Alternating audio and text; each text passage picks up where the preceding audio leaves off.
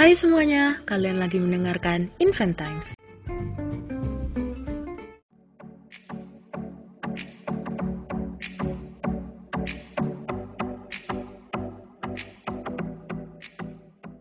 Halo teman-teman, kali ini kita akan mereview KTI yang berjudul Konseptualisasi Pengadilan Apung berbasis Floating Court guna mewujudkan pelayanan publik dalam sistem peradilan yang berkeadilan di era revolusi industri 4.0.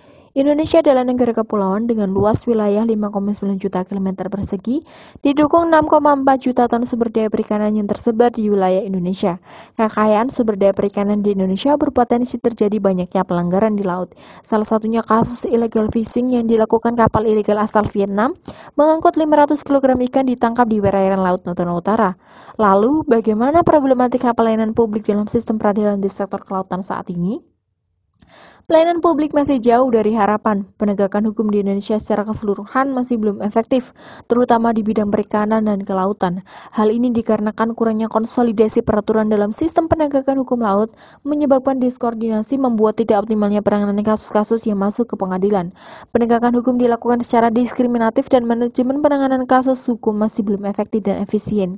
Pengadilan apung merupakan hasil peleburan antara pengadilan perikanan dan mahkamah pelayaran yang menimbulkan efektivitas sistem peradilan untuk penegakan hukum laut.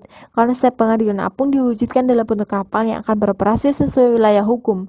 Pengadilan apung akan terletak di setiap provinsi yang memiliki wilayah laut, sehingga mewujudkan efisiensi apabila terdapat pelanggaran yang terjadi di laut. Pengadilan apung akan menggunakan mekanisme pelayanan berbasis e-floating court yang memudahkan pihak berperkara tanpa harus datang ke pengadilan guna mengatasi permasalahan atas minimnya pelayanan publik. E-Floating Court merupakan layanan pengadilan apung berbasis elektronik dalam mengajukan gugatan ke pengadilan. Dengan basis E-Floating Court, pengadilan apung dapat mewujudkan suatu pelayanan publik dalam sistem peradilan pada sektor maritim yang berkeadilan bagi masyarakat di era revolusi industri 4.0. Jadi, Indonesia sebagai negara yang kaya akan sumber daya laut memerlukan suatu penegakan hukum yang kuat, adil, dan tegas untuk melindungi hukum laut nasional.